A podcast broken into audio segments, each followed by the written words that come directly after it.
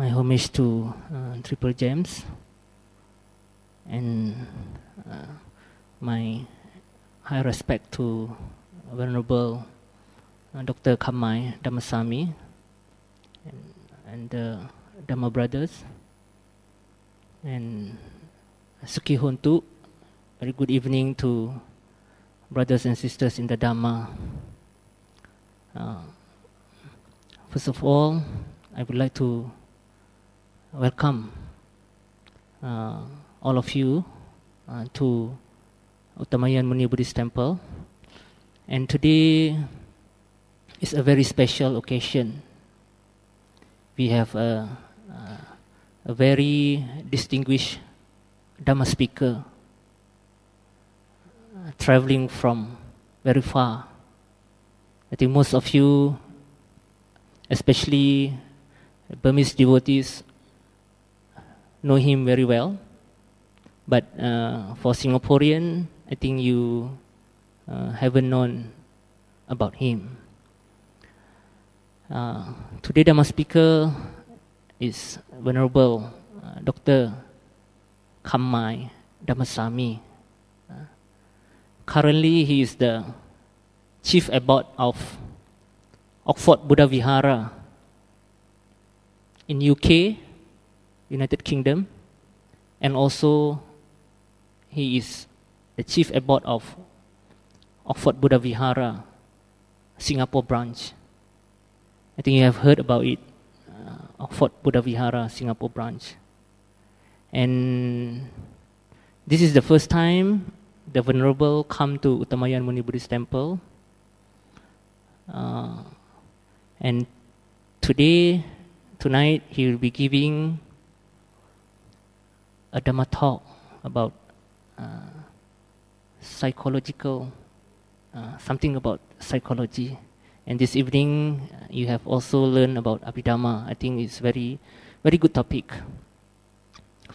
Uh, personally, uh, I knew him, I know him, Bante, because uh, when he was in Sri Lanka, I, I think at that time I was very junior monk, so he has uh, completed his studies. For your information, that's why I said he is a very distinguished monk because uh, he got uh, Dhammacharya, Dhammacharya degree from uh, Burma, from Myanmar. And also he got his double master degree from Buddhist and Pali University of Sri Lanka and also University of Kelaniya, Sri Lanka.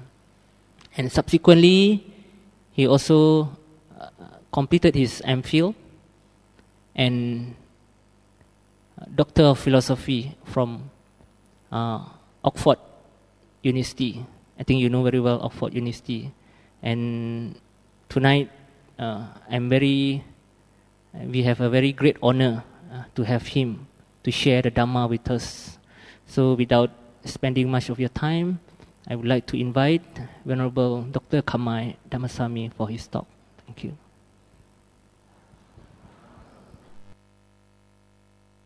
First, uh, I'm very sorry for uh, the delay start.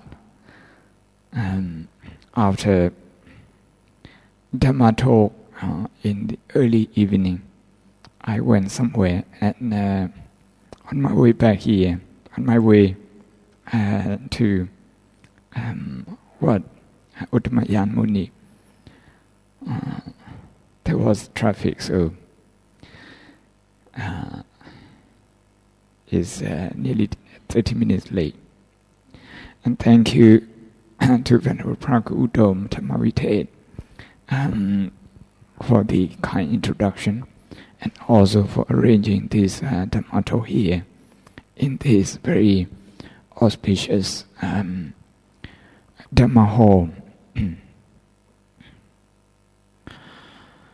um, Venerable Praku and um, this temple has been very supportive of uh, the Oxford Buddha branch here in Singapore. So personally, I'm also very grateful for Venerable and all the devotees of uh, what Uttamayan Muni uh, Buddhist temple. Um,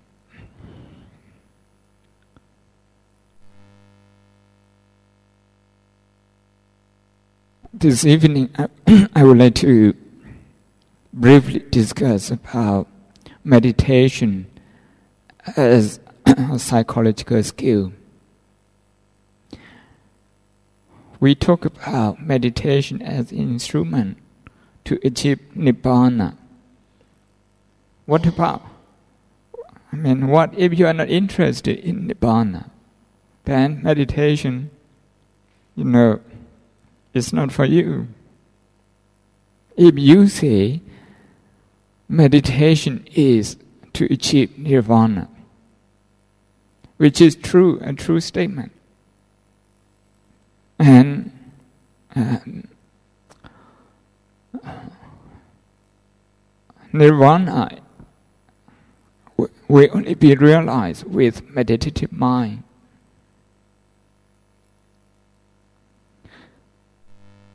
Uh, but this is Singapore, a very marketing place, just like in Europe.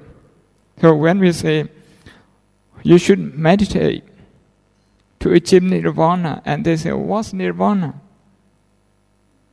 Yeah, it takes a lot of time to get to the point of sitting and meditating.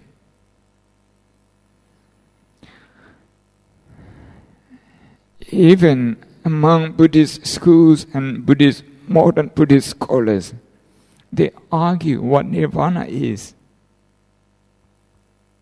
Some people say arahant, okay, still has defilement, and some say no more defilement. What I would like to present to you this evening is that meditation practice, Buddhist meditation practice, is a kind of psychological skill that you can make use of here in daily life. You can make use of it at work, when you're driving, when you're eating in a restaurant, when you're waiting in the airport, when, you, when you're meeting your friends, when you're at home. You can use it everywhere.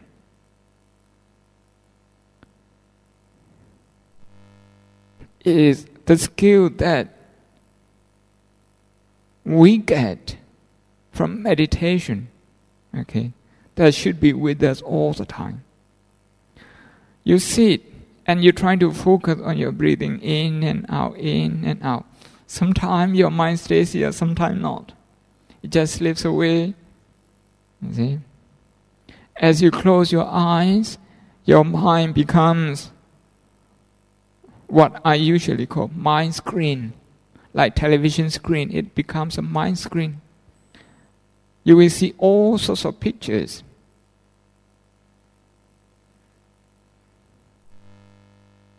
Some of them you have experienced before, some of them you don't even know where they come from. You don't intend to think, you don't, you don't intend to create any images, but that's what you see in your meditation. You see images, you hear the sound. Your mind is thinking endlessly non-stop. So, so it's like you are switching on your mind screen. The thing is that if you do not have some skill, you will be part of it. You will be part of. You will part. You will be part of the play which is on the screen.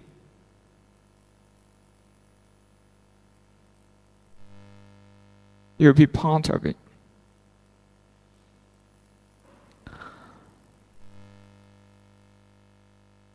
So it's important that you learn how to distance yourself from those images, from the sound, from the experience, and look at that objectively.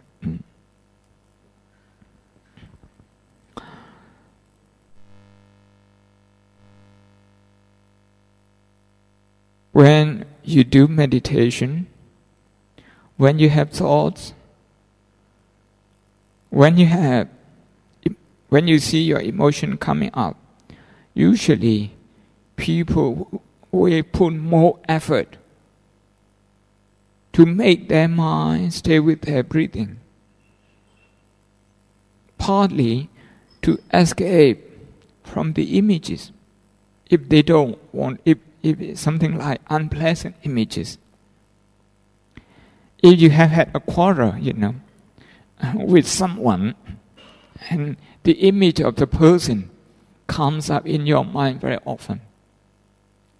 You will try to force your mind to stay with your breathing, just to escape from the image, the image of the person that you don't like. Because it's so irritating to have the, the image of the person you don't like appearing in your mind during your meditation. Some people think that meditation is a failure. This is an attitude problem.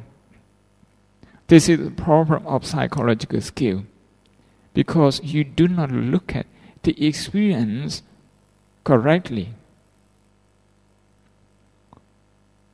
When you do not look at the experience correctly, that will lead to disappointment. You will become disappointed with your own meditation practice. And sometimes you will say, oh, I have been coming to what Uttamayan Muni Buddhist temple for a long time doing chanting. And I still get angry. I still get irritated. You see? You will start looking at your own practice uh, with some disappointment, with you know, as a failure.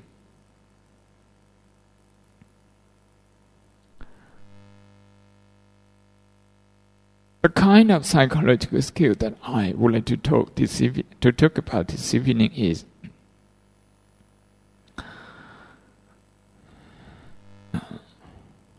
about looking at the the same experience, but with more positive results.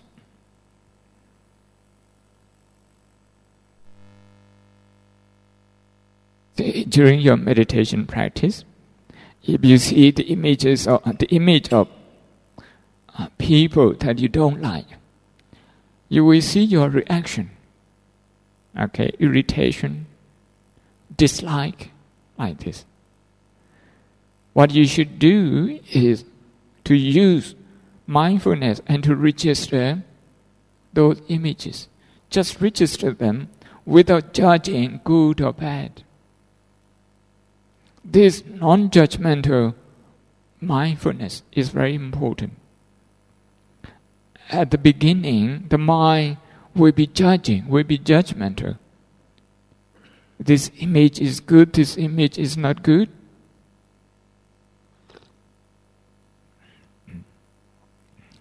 If you see the image of the Buddha during your meditation, you will feel happy. When you see the image of someone who has offended you, you will feel upset. This is how the mind becomes judgmental because of the pressure of the emotion, the pressure of the emotional reaction. The attitudes follows the emotion. If the emotion, okay, is negative in a given moment, your thought will be negative as well. For example, a husband and wife, okay, living together. Uh, when you quarrel with each other, you're angry at the time. When you're angry with, you know, at that time, what will happen is that your anger will remind yourself all the negativities of your, your spouse. When you remember something in the past, your memory, all the memory will be negative. Okay, you can list all the negative points. You see, on May the 1st, you did this to me. On April 30th, I asked you to do, to do this. You didn't even you know, notice it. And on March the 30th, you ignore me. Okay? On February the 28th, um, I asked you, you um, to, to give me dinner. Um, you didn't. On February the 14th, you forgot the Valentine Day. you can list all the negative points. Negative emotion brings about negative memories, all the negative me- memories. Not only that, it suppresses, okay, all the positive points that you have, that your spouse, okay, has. When the mind starts thinking like that, when you start summarizing, viewing, okay, your shared life like that, the mind becomes very unskillful. The word unskillful in Pali is called akusala. Akusala. In Thai, we call that akuson. In Burmese, you call this agudo.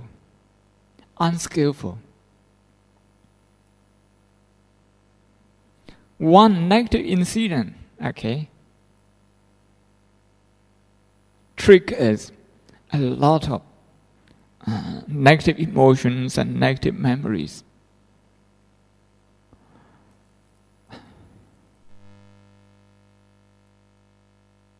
On the 9th of this month, a few days ago, I was given uh, an honorary doctorate degree by Mahachulalongkorn University in Bangkok.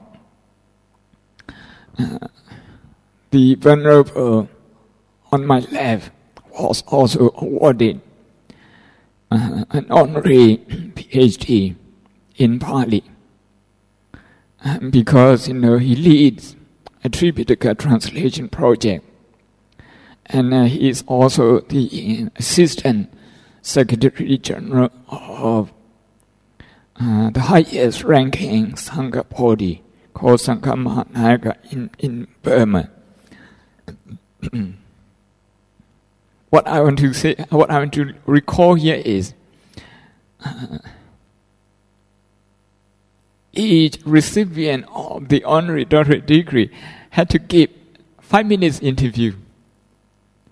Five minutes interview and very five. I mean, they gave us five very big questions, very big.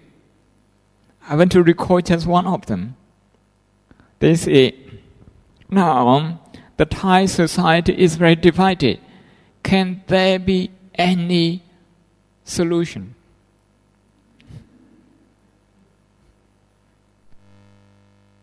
They give me an honorary PhD and they want this answer from me. I said, I'm not here to give the answer because I believe the Thai people have the capacity to solve the problem themselves. But only one thing that I would like to remind the Thai people, everyone from both sides or from none, is that if you look at your constitution, okay, point by point, you list them how many points? You put them under three categories. The first category, which both sides agree the second one, which both sides share something but not totally agree, not 100%. The third one, that you totally disagree with each other. I said, I said to them, I can guarantee that you have more points that you agree than you disagree. Overwhelmingly, you will have the point that you agree than you disagree. I can't tell you how many percent, of course, because you know I haven't done that research myself, but I have read the, uh, the constitution roughly. I know what they are. But people have now forgot the first category, the point they agree, the point they share. They they have totally agree. No, so they have totally forgotten. They have also forgotten that there is something that they can negotiate and negotiate very easily because they already share quite a few of, of, of the points. If the Thai people only recognize this, I said, the solution shouldn't, shouldn't be that difficult. I'm talking about the basic teaching of the Buddha being skillful and being unskillful. Being skillful is kusala. Skillful in action, skillful in speech, skillful in thinking, psychological skill. You come into this hall with aircon. You feel very comfortable. You go outside. You feel warm. You can see the impact on your emotion, the impact on your body. I, have been in England for the last 14 years. I have seen people mumbling okay, about the weather day in and day out. I said, I usually tell the people during the winter, you say it's too cold and you look for the, the summer. When the summer comes, you think it's too hot and you, know, you want spring. You want spring. Uh, you want the summer to end. When the summer has come to an end, you're afraid of the autumn because all the leaves are going to fall. You see? one, one of the meditators in, in our regular meditation session, she, she took a photo of her garden in the, in the autumn and gave it to me to keep it in the shrine room. And she put a description, a caption. Accept the autumn in the hope that the spring will come when you're in the autumn, okay, you long for spring. What I'm saying is that the mind is not at the present. The mind is rejecting the autumn. Actually, in the European autumn, the leaves are very beautiful. Very beautiful. But people are afraid of the leaves going away, disappearing.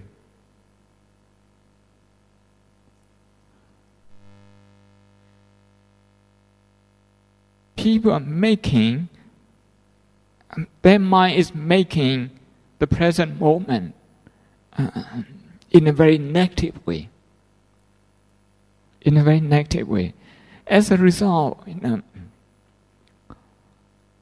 people have a lot to complain. Complaining mind. If the mind is complaining all the time, you can see whether the mind is skillful or unskillful.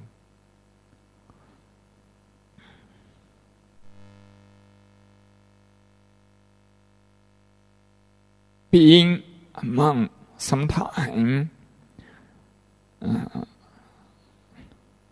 we have food, okay, brought by Thai people, sometimes by Burmese people, sometimes by Chinese people, sometimes by English people sometimes by Sri Lankan people.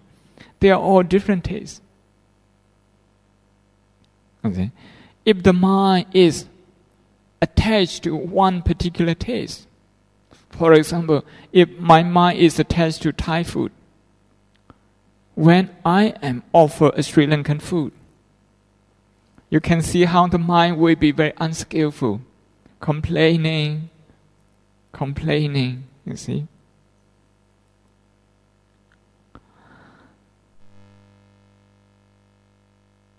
That's about eating. What about the dress? As Buddhist monks, we are given one uniform from day one. One uniform. Okay. Look at yourself, okay? You don't wear the same, okay, the same top and, and not, not the same dress every day when you go to work. You change. When you do that, when you change, uh, you feel confident. When you cannot change it, you don't feel confident. Okay, go into the office and meeting the same people, working with. You don't feel confident. Emotion, you see, you can see emotional reaction. For us, as Buddhist monks, uh, we are made to deal with this problem from day one. As newcomer, of course, okay, as newcomer in the Buddhist order, we also like to look at you know colorful, colorful dresses. We would like to try. But when we look at the same piece of uniform and become bored with this, we look at our boredom. We look at this. We don't say boredom is good or boredom is bad. We just look at boredom as meditation object. To meditate on boredom. We cannot escape from this. We don't try to escape from this. We look at boredom. This is boredom. This is boredom. This is boredom. We register then. We recognize it. We accept it. What happens is that after some time we become very comfortable with this. The first time I went to England, some British people think my robe is a sari. it's Indian sari. yeah. They said this to me. They said that to me. But that, that didn't feel me, uh, that, that, that didn't offend me. Okay. I didn't become uh, agitated. I didn't lose my confidence in the robe. I felt comfortable because, particularly with robe, regarding with robe, the we have been we have been trained uh, to keep the mind skillful.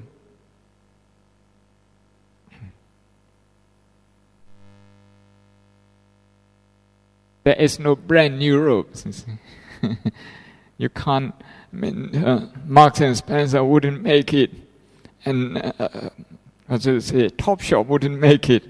It's just a very ordinary piece of robe, but it has this impact, this effect. When we go for alms in the morning in Thailand, in Burma, when you go for alms, to eat, okay, just the food that we get in our alms bowl. Oh, it was very difficult at the beginning. It was very difficult. We are not given choice. We just have to eat whatever we got. The mind starts complaining at the beginning. Then we are taught by our teacher not to look at the food, but to look at the complaining mind. If the mind is unskillful, you wouldn't look at the mind, but you will look at the food.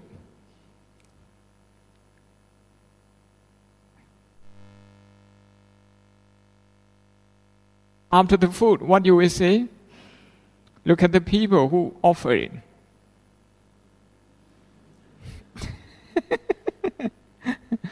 yeah. so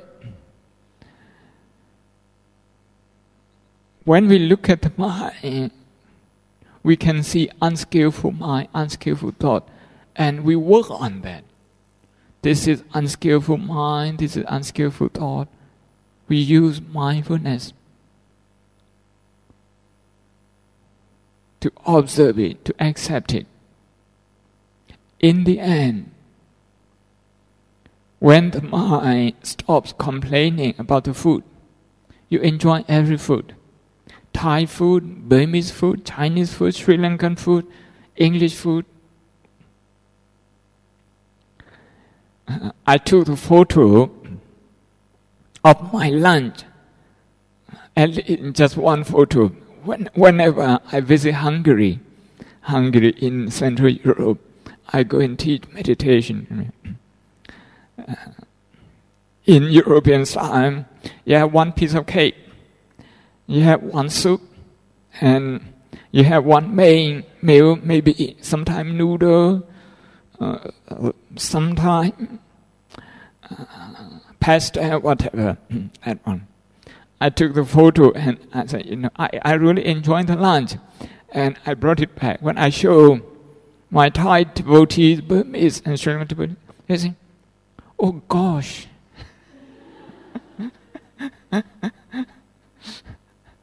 the, the thing, you know, the lunch was too small, and um, you see, uh, not many dishes, no, no variety. This is an addiction to the variety. Asian people who like to, to eat you know, a lot of variety, uh, many dishes. If they, they have five dishes, okay, usually if they have five dishes, when they there's only three, the mind is already on the negative side.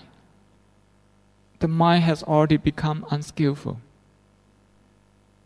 Sometimes people ask me, Venerable, we have no time to meditate, so what we should do?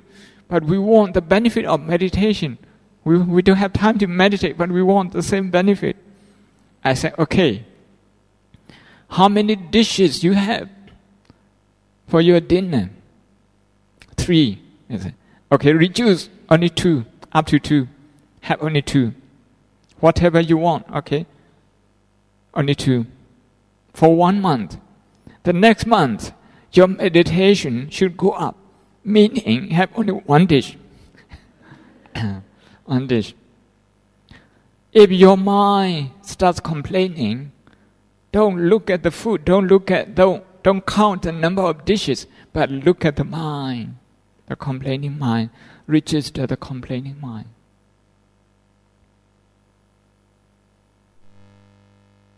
If you do this,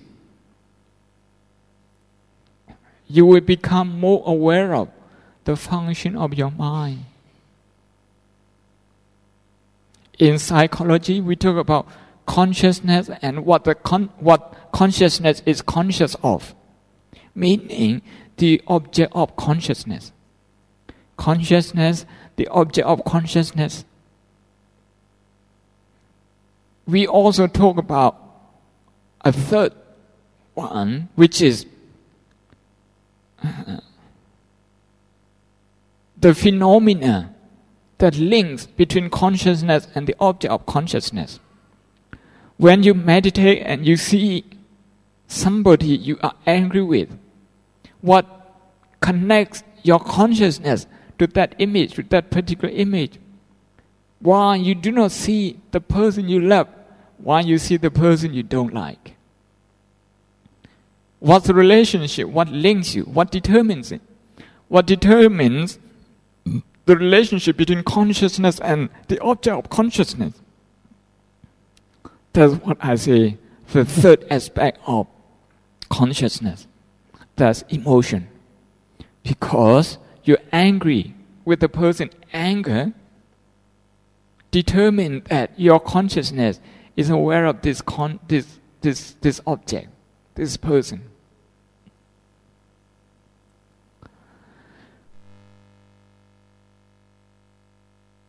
By looking at the mind, but not the food. By looking at the mind, but not the weather. By looking at the mind, but not the traffic when you are stuck in the traffic jam.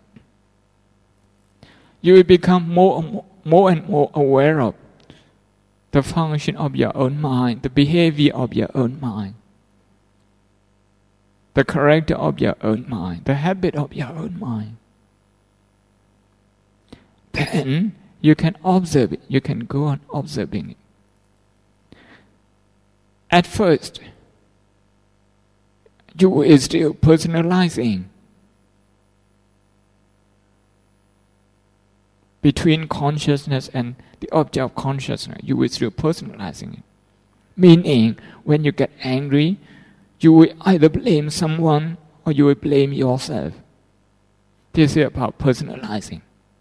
But as the time goes on, as awareness, as mindfulness become more and more mature,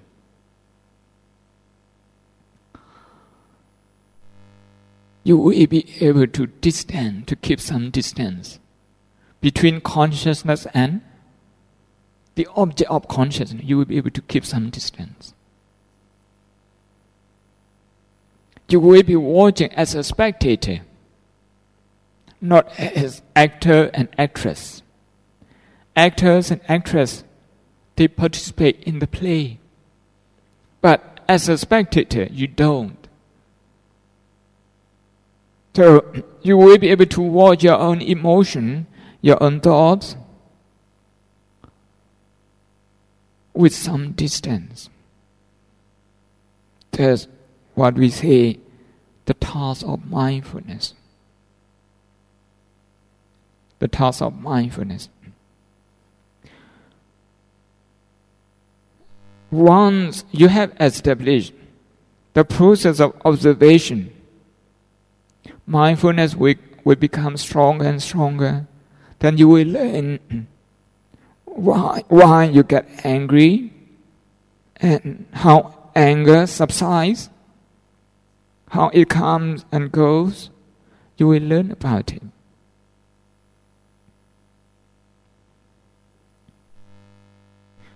Once you have learned that, the mind is now becoming skillful even when someone is abusing you. Okay, you wouldn't react as you used to do. One day, uh, during the Buddha's time, a, Bu- a Buddhist monk, actually an arahant, Venerable Punna, uh, he was about to go on a missionary tour to a very tough region. The people in the region where he was going, to, they were very negative. They were very hostile. Sometimes they can be very violent. And the Buddha asked, the Buddha asked him, "What if the people insulted you?" This is a kind of exam before he was sent out. And he, t- he, he told the Buddha, Sir, in my mind, I will be thinking that they only insult me, they don't hit me. This is to look for some positive point in the negative environment. The Buddha said, What if they hit you? if they physically hit you. So they only hit me, they don't cut my hand. Then what would you do if they actually cut your hand? Or they only cut my hand, they don't actually cut my legs. If they cut your legs, what you're going to do then? You're going, are you going to get angry with them? No, sir, they only cut my legs. They don't actually kill me. Well, if they actually decide to kill you, what are you going to do?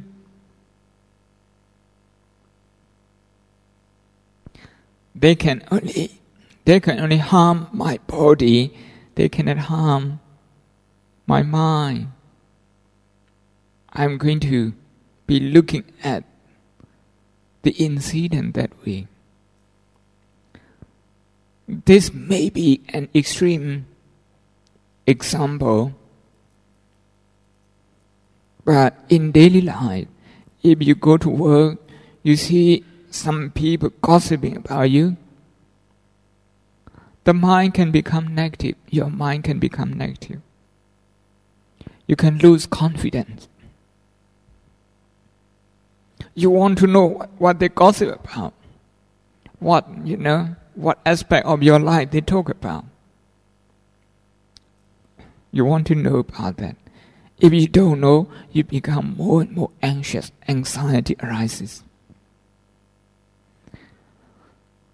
Under anxiety, the mind can become unskillful. You can become another person who gossip.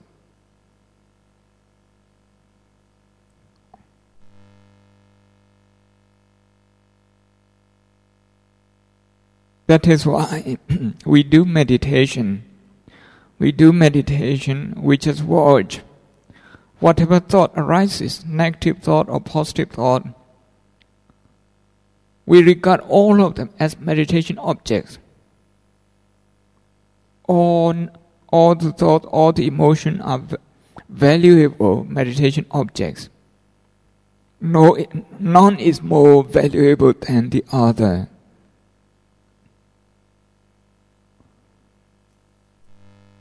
When we take the heat of the emotional heat, you know, out of our consciousness,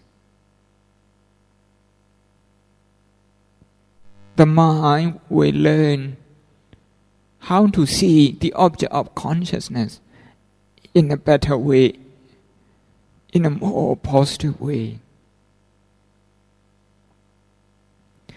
Otherwise, the world is full of imperfection. It's miserable to live in this world. But if the mind is skillful, life is really, really a blessing. And whether your life is a blessing or whether it's a mystery, your mind will decide. If your mind is skillful, it will see life as a blessing. If the mind is not, then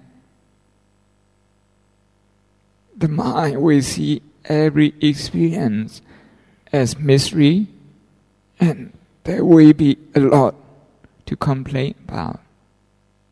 I think I should stop here and take your question if you have. Thank you.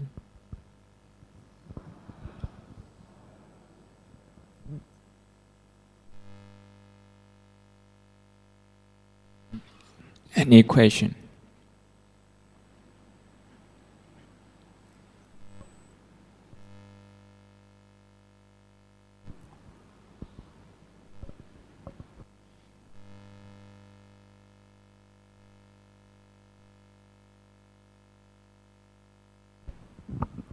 Yes.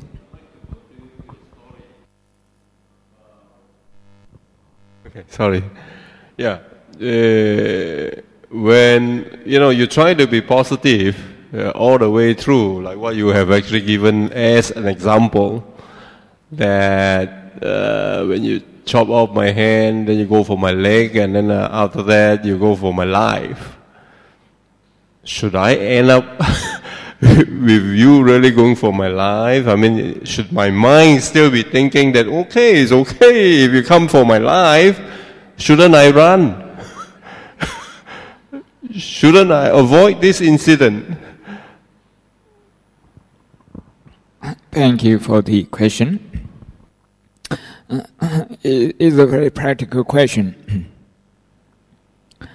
Uh, I, I, I, mentioned I mentioned that the example can be can be viewed can be considered as extreme, but as a highly trained person Okay, Arahant is a highly trained person.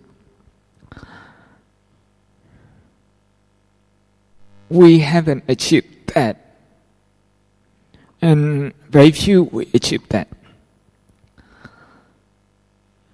When I first uh, went to England for the first six months in my meditation session, Tuesday meditation session, weekly one. There were only two people for six months, only two. One of them, by the name of John, John Jordan, I told him, when you get angry, you have to separate yourself from anger. John is not anger, anger is not John. See anger as separate from you. And look at register anger separately. This is anger, this is anger. Use a third term, a third person's term. This is anger. Do not use first person description. I am angry. Do not say like this.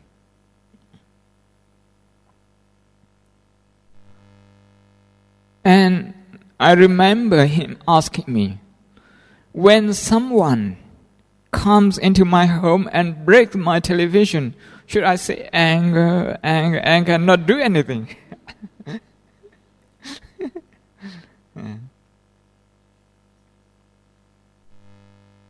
I, my answer has always been that these are two incidents.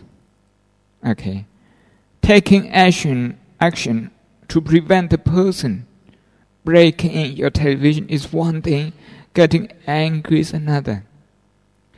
You can prevent the person okay, breaking your window, breaking your television, breaking the window of your car without getting angry.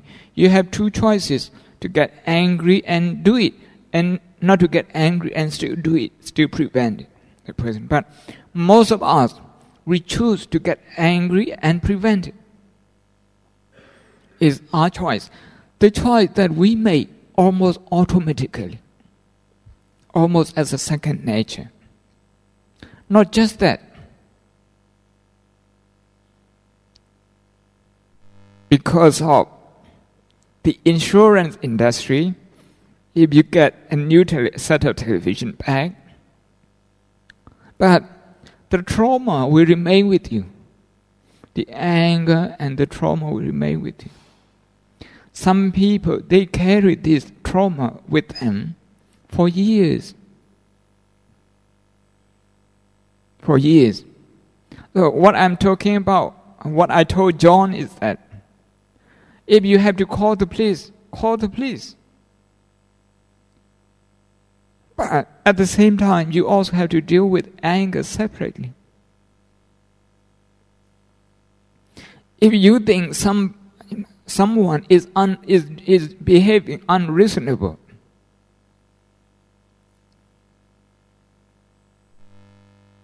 you can you can take action as appropriate as you, you think appropriate, but do not do that out of anger. One day, the new monks, okay, they were very noisy. during the Buddha's time. They came to see the Buddha, but they were very noisy and uh, looking for you know, a place uh, to sleep. The Buddha asked Venerable Ananda, Ananda, go and see who are making the noises. Ananda came back and reported to Buddha, the new monks who came with Venerable Sariputta and Venerable Moggallana said, the new monks, they're, they are making noises. They, they are here to pay respect to you. The Buddha said, I don't want to see them. I don't want to see anyone making noises. Ask them to leave. You see, the Buddha was taking action. But he, did, he, he didn't do so out of anger. When the monks left, they were on their way. They recognized their action. They came back. The Buddha accepted them.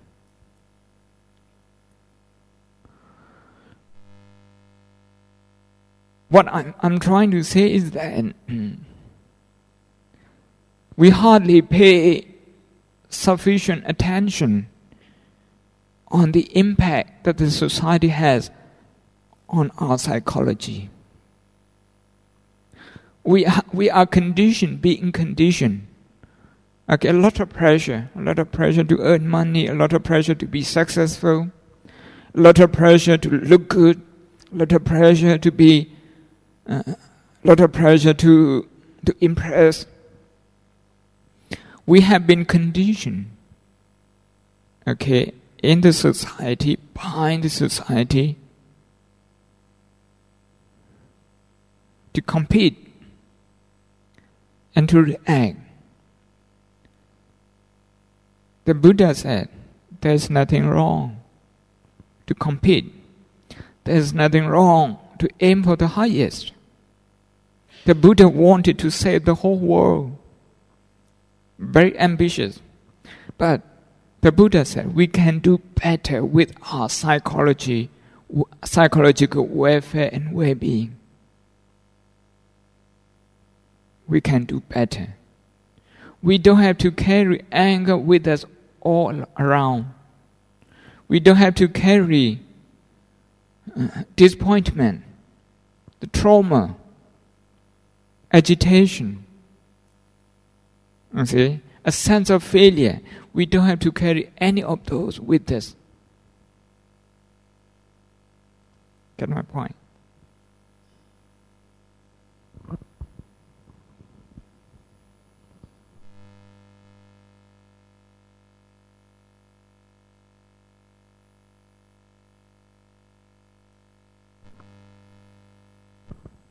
Thank you. I got your point. Uh, you separate them into two two separate issues.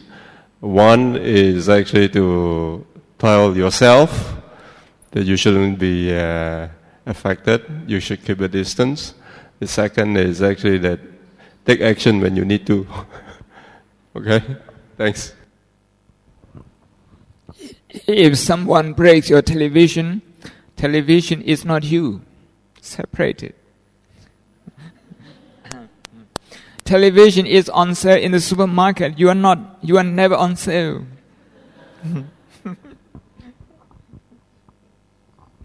yes, uh, can you pause the mic? Yeah.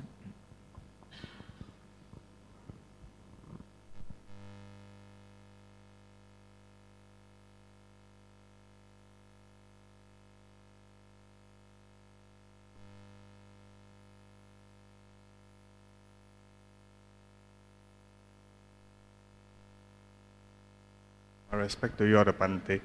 uh, you were mentioning uh, to be skillful. Uh, we watch the play, being in the play.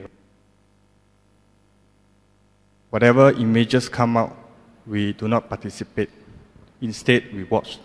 Okay, uh, from my point of view, uh, this is very mindful and very skillful.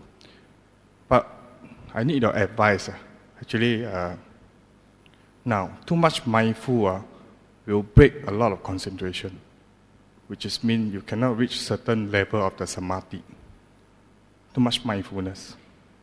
Being a spectator for too long. Because you keep watching and so that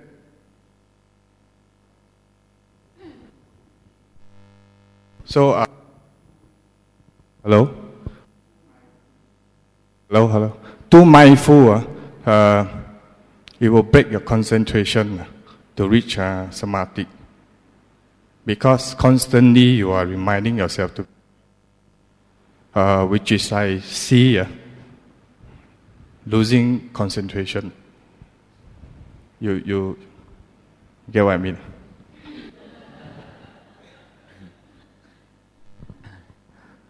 Uh, I, I, I hope I'm with you. I'm with your question if I understand your question correctly, you use the word too mindful. One, and too mindful will break concentration if you keep watching. In actual practice, mindfulness, there is no surplus of mindfulness. Uh, practically, theoretically, there cannot be an uh, there cannot be a phrase of too mindful, too mindful, too much mindfulness. There cannot be such thing. There can only be not enough mindfulness. Concentration in your perception, you consider concentration as an achievement. So you shouldn't break concentration. But concentration is an instrument, not an end in itself. It's not the goal. When we develop concentration, we, we do so in order to use concentration to turn the mind into a very skillful instrument, a very skillful um, um, organ. So, concentration is not an end in itself. If you develop concentration and you still get angry, okay, now, anger, anger is kusala or akusala? It's akusala unskillful. So, concentration hasn't done its job. We have to use, actually, we can use also concentration to keep some distance. It's possible to do this. When we watch, when we watch, the process of irritation, the process of anger, the process of images with emotion, when we watch that. If the observation process is not broken, it will actually uh, help to sustain concentration. It will help in actual practice. It doesn't matter how many objects your mind is on so long it's on one object at a time, and there is no break, there is no gap between the objects. We say the train of thought, a train of thought. When we say train, we also include train stations, many train stations, MRT stations. you sit on the train from work, you go home if you are not mindful, you are not actually aware how many stations you you have passed. You're not aware. When you're not aware, there is a gap. The train has no gap. The train runs one after another section. Okay, the train doesn't jump. But because you're not aware and you feel that you have missed something. The object that happened, the images in your mind, the objects, they arise one after another successively. But because you can only catch some of them, you can see the, gap, the break. If that happens, you need to increase, you know, uh, mindfulness.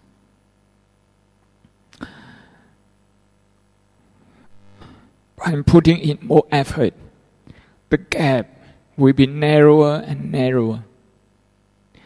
When the process of observation is um, uh, continuous, when mindfulness is continuous, you will come to a point where you find a very strong object, maybe very strong emotion, maybe very strong image, very powerful image, and you can stay with the image for a very long time.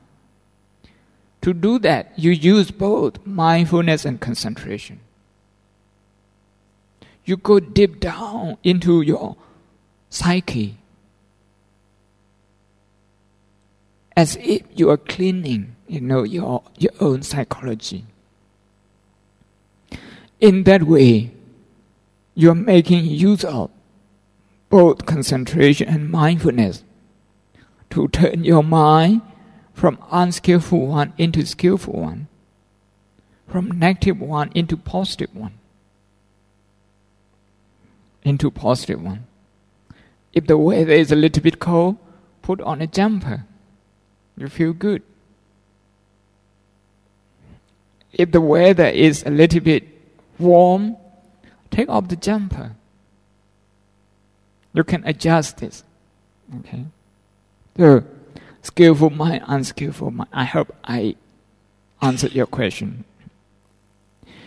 In terms of concentration, there can be surplus of concentration. Concentration and effort, these two things, they have to be balanced all the time.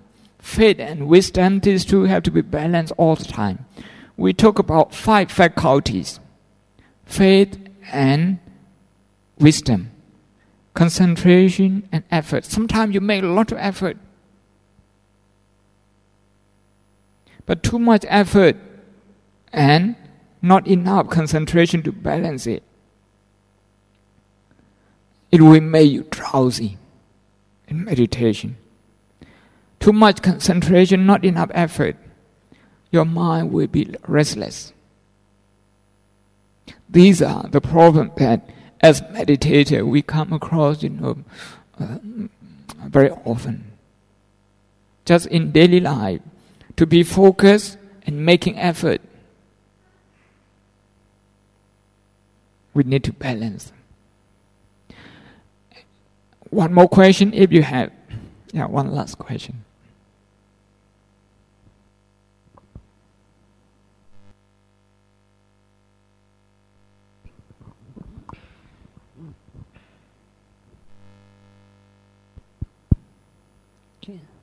No question?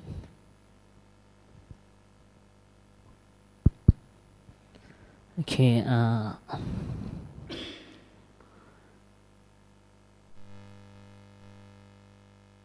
so I must be very thankful to Venerable Dr. Khammai Dhammasami uh, for his Dhamma talk tonight. It's a very wonderful talk about psychological skill. I think most of us when we talk about psychological skill, physical skill, physical skill, psychological skill. I think all of us who are here, we have different physical skill. Hmm. Psychological skill also different. Hmm. Because all of you have different prof- profession, different kind of job, it is because of your physical skill. And for psychological skill, I do believe that all of us who are here, we have a different level of psychological skill. Why when we talk about concentration, we talk about mindfulness, make sure that we have right concentration, right mindfulness, not wrong concentration, wrong mindfulness. Sometimes it can mislead also. And of course, when we have psychological skill, you know, it can help us to, like, especially for those who are in, in you know, worldly life, uh, it can help you to generate a good physical skill. Uh, we must be skillful in our action. We must be also skillful in our speech or verbal, and also skillful in our thinking, as mentioned by Venerable Dr. Khammai Dhammasami just now. So, I think it is a very uh, wonderful Dhamma talk because he tried to emphasize more on psychological skill because he know that Singapore is quite a very developed country and you all have uh, good physical skill. So the purpose of coming here, especially to this temple, is to because I, I went through his uh, series of Dharma talk. Uh, is quite different topic, but when he come here, he tried to give something that is very important in your daily life, and to make our life happier and happier or more happy, we have to be skillful, especially in psychological aspect. So I'm very glad tonight as the abbot and talking on behalf of all of you. I'm very glad to to have two venerables today uh, to come and share the Dhamma knowledge with all of us who are here. And I would like to take this opportunity also to extend my invitation to Venerable Dr. Khammai Dhammasami whenever he comes to Singapore. If the opportunity arises, I would like to invite him to give a Dhamma talk at this temple as long as I'm here. And also, uh, I think he knew about that, that uh, for the time being, we also invite his disciple, my classmate, Venerable Wayaminda, to come and give a Dhamma talk at least once a month. So, we, the Sangha members, you know, we try our best you know, to work together to propagate the teaching of the Buddha. Of course, for for me, uh, very uh, great respect to the venerables. Of course, uh, he is, I think, much senior and also much knowledgeable comparing to myself. That's why tonight also, uh, by listening to his talk, it's not only benefit all of you, but benefit myself also. How to be more sp- skillful especially in meditation aspect.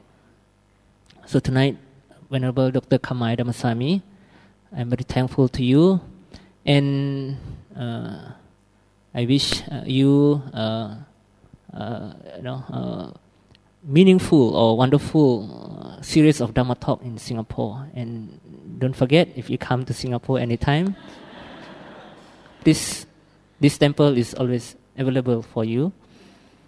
And I t- I don't know whether all of you are aware that uh, the purpose of his coming here, because uh, the Oxford Buddha Vihara, last year I met him in, in the UN Vesak Day.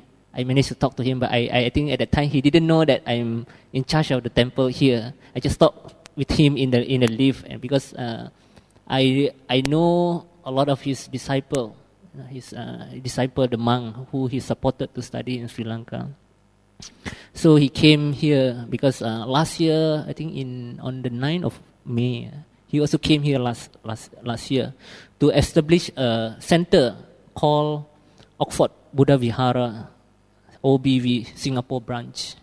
And now UBT and OBV we are working hand in hand to propagate the, the Buddha's teaching and maybe in future if venerable have a uh, disciple who can work together to propagate the buddha's teaching in singapore i am also uh, very welcome and tomorrow oxford buddha vihara will be celebrating the first year anniversary.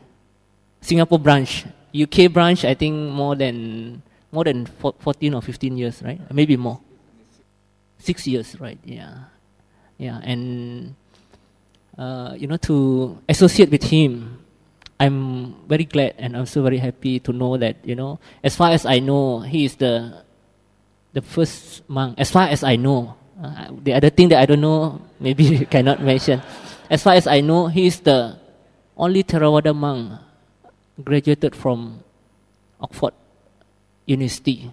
That's why I'm very, you know, when, when talk about him, I'm very inspiring but I cannot follow his footstep.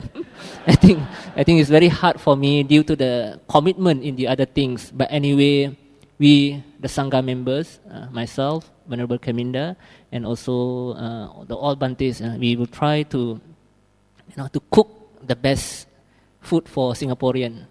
It's not it's not Thai food or Chinese food, but it's the the food of the mind. That's why we try to cook for you. So for tonight. Uh, once again, uh, Venerable Dhammasami, I'm very thankful to you and also the brother monks. Uh, thankful to you and all the devotees. I wish you uh, be well and happy. Thank you. Uh, tomorrow, um, at the celebration, I'm going to distribute my book, my book, uh, which is reprinted in Thailand. Um, it has the Thai translation and also the original English, which I have updated. It's called Mindfulness Meditation Made Easy. It also has a CD. Uh, so you're welcome to join and to receive the books. Uh, Feliana, can you give some information?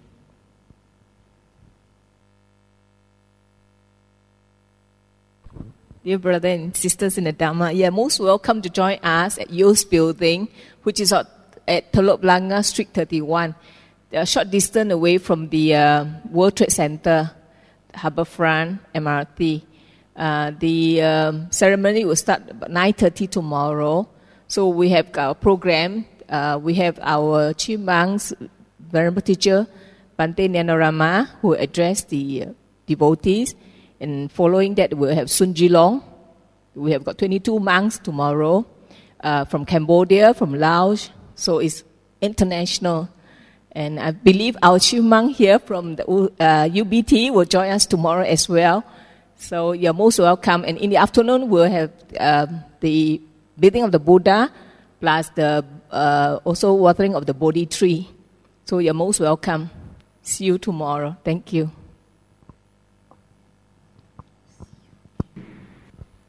Okay, uh, before we uh, close the ceremony tonight, let us pay respect to the Triple Gems, the Buddha, the Dhamma, and the Sangha. อรหังสัมมาสัมพุทโธภะคะวะพุทธังภะคะวันตังอภิวาเทมิสวาคาตัวภะคะวะตาธรรมโมธรรมังนามาสามิ สุปฏิปันโนภะคะวะโตสาวกสังโฆสังฆังนามามิ Bante, may I invite you to sit there? We want to pay respect to two of you, Bante.